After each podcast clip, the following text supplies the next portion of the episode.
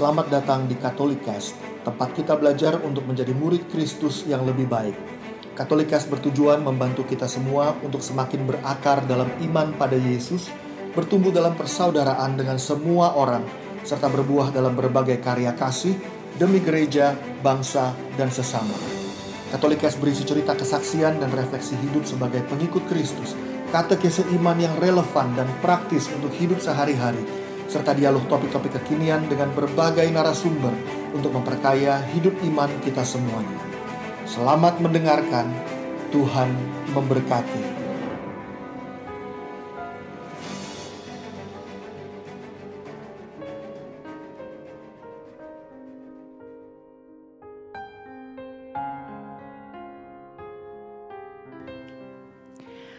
Shalom semuanya. Semua pasti tahu doa Bapa kami. Bapa kami yang ada di surga, dimuliakanlah namamu, datanglah kerajaanmu, jadilah kehendakmu di atas bumi seperti dalam surga.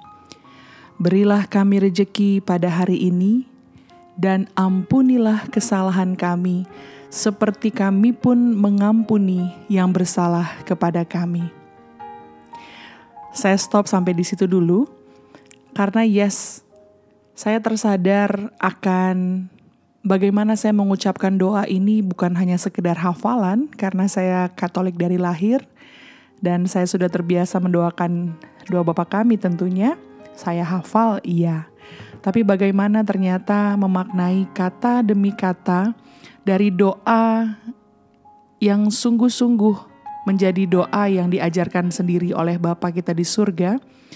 Dan di bagian bahwa ampunilah kami seperti kami pun mengampuni yang bersalah kepada kami.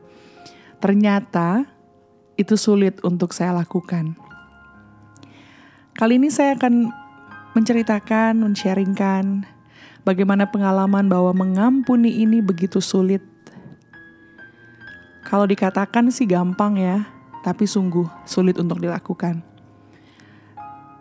Saya punya seorang kakak yang waktu saya SMA, dia terjerumus di dunia narkoba, dan kemudian itu menjauhkan kami berdua secara relasi, kakak dan adik, dan yang terlebih lagi menjauhkan seluruh relasi dari anggota keluarga kami. Papa dan mama jadi sering bertengkar karena ulah kakak kami. Saya dan kakak tentunya menjadi semakin gak akur. Karena saya benci banget ngelihat kelakuannya. Satu kejadian yang membuat saya tidak bisa mengampuni kakak saya dan bahkan saya mengeluarkan kata-kata kutuk untuk kakak saya adalah kejadian di mana waktu saya baru pertama kali dibelikan handphone oleh mama. Waktu saya SMA, handphone pada saat itu adalah mungkin ada yang pernah mengalaminya juga, mungkin kita seumur. Saya dibelikan handphone, sebut merek lah ya, Nokia, yang gede banget. Itu yang kalau orang-orang suka bilang, wah nih kalau dilempar kucing, kucingnya kaing-kaing nih gitu. Yes, itu pernah saya beli.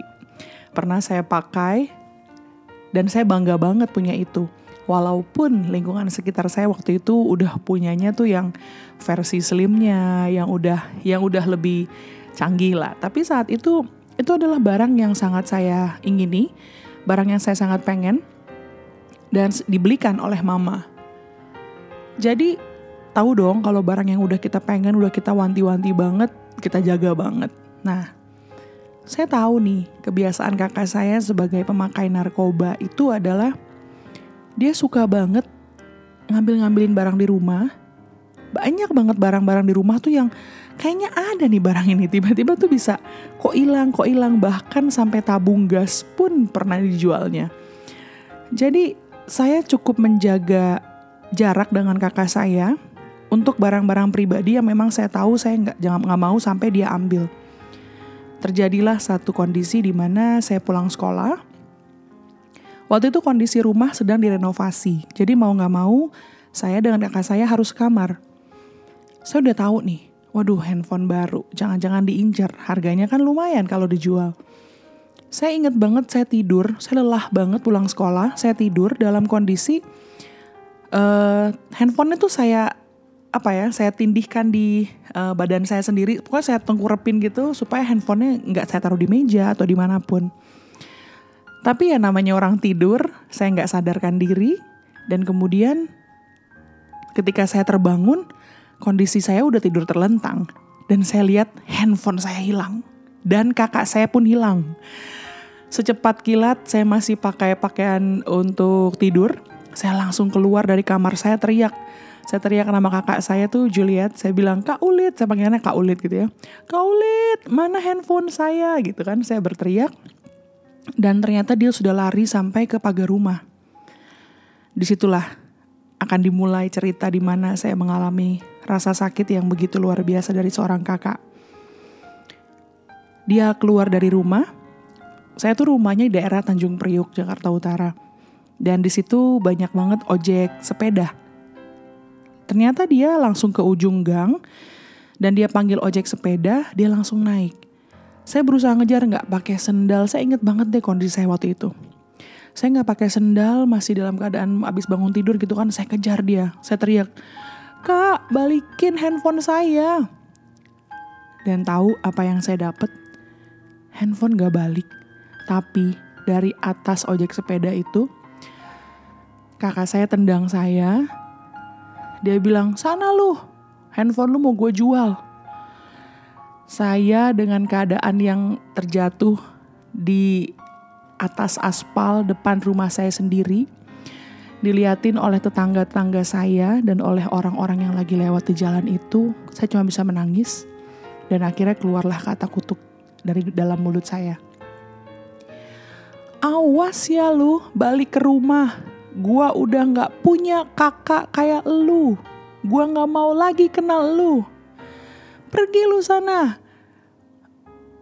Dan ternyata itulah awal di mana hidup saya saya merasa bahwa ketika sehabis kejadian itu, saya menjadi orang yang punya dendam yang begitu besar terhadap kakak, dan itu merusak hari-hari saya, merusak kesehatan saya, merusak uh, pikiran positif saya, karena semenjak itu saya tidak mau peduli apa pun tentang kakak saya. Bahkan saya berpikir waktu itu kakak saya pernah pulang, saya nggak mau ketemu dia lagi karena saya tahu pasti handphone saya sudah dijual. Jadi mulai satu saya bilang saya nggak mau lagi kenal dengan dia. Dia pulang waktu itu pernah dalam keadaan yang sangat lusuh dan saya ingat banget nih pasti mau pulang mau cari barang lagi buat dijual, saya nggak peduli. Dan waktu itu di rumah dia sempat sakau dan saya nggak peduli. Saya nggak peduli apa pun yang akan terjadi. Dan saya pernah ngeliat mama saya dan kakak saya berkelahi sampai mama saya mau ceburin kakak saya ke kolam ikan di rumah. Dan saya dalam hati saya saya bilang, kenapa nggak diceburin aja mah biar dia mati. Itu yang sempat keluar dari pikiran saya. Dan saya begitu benci berbulan-bulan, bertahun-tahun saya udah gak mau peduli sama kakak saya. Saya merasa akar kebencian yang mulai saya taruh di dalam hati saya itu secara tidak langsung merubah karakter saya yang tadinya saya seperti apa ya, seperti merasa kasihan kepada kakak, tapi sekarang karena saya udah benci banget, saya jadi nggak peduli dan saya jadi nggak peduli juga sama diri saya sendiri. Karena waktu itu saya bersekolah uh, di sekolah negeri. Uh, mungkin ada yang pernah dengar podcast saya sebelumnya. Saya jadi ikut tawuran sama anak-anak, sama teman-teman saya.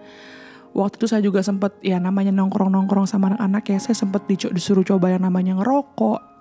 Saya sempat waduh kalau pulang tuh pulang sekolah jarang saya pulang ke rumah saya males banget pulang ke rumah gitu loh pokoknya waktu saya sempat ngalamin jadi anak berandalan ke gereja Hmm, kayaknya jarang ya. Bener-bener saya hilang dari dunia yang namanya dunia hidup baik deh. Dan saya sadari itu ini terjadi setelah kejadian saya tidak bisa mengampuni kakak saya sendiri. Tapi puji Tuhannya sebelum saya terlalu jauh tidak bisa mengampuni kakak saya sendiri, saya akhirnya mengenal kasih Tuhan. Siapa yang mengenalkan kasih Tuhan kepada saya? Kakak saya sendiri. Yes. Saya melihat bahwa firman Tuhan yang berkata bahwa ketika engkau bertobat, engkau dan seisi rumahmu diselamatkan. Itulah yang kakak saya bawa untuk keluarga kami. Waktu kakak saya memutuskan untuk katakan iya terhadap ajakan sepupunya untuk ikut dalam seminar hidup baru bersama dengan sepupunya itu, itulah awal di mana kakak saya membawa keselamatan buat keluarga kami. Perlahan saya pun diajak mulai melayani Tuhan, perlahan saya pun mulai mengenal cinta Tuhan, dan perlahan saya juga mulai untuk berani mengampuni kakak saya sendiri. Jadi yang saya mau katakan adalah terima kasih Tuhan bahwa Engkau mengubah hati kakakku sehingga aku sungguh-sungguh melihat bagaimana aku bisa mengampuni dia.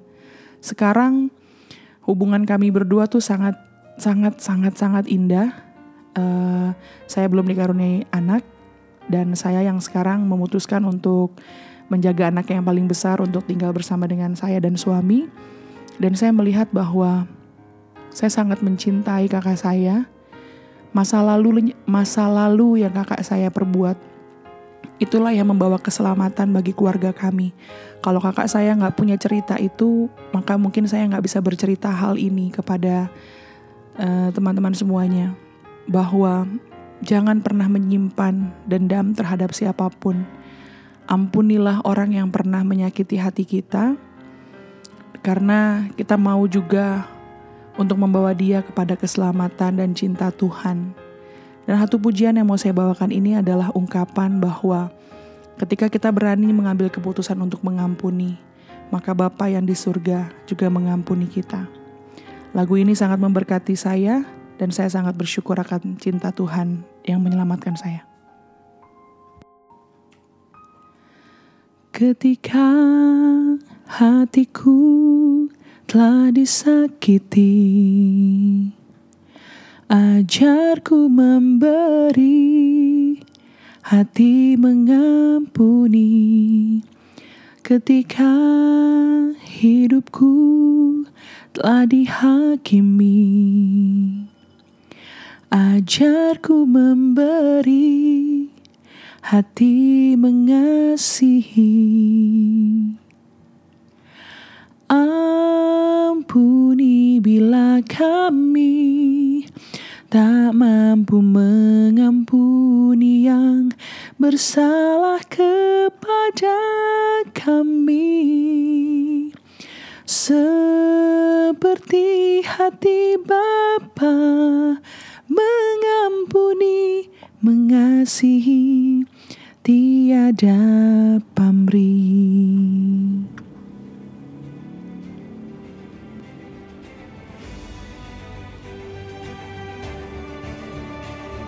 Terima kasih telah mendengarkan podcast ini. Jangan lupa untuk berbagi Katolikes kepada para sahabat dan kenalan kita, supaya semakin banyak orang mengenal kabar gembira Tuhan Yesus dan mengalami kasihnya yang memulihkan, menguatkan, dan memberkati. Sampai jumpa di episode Katolikas yang lain.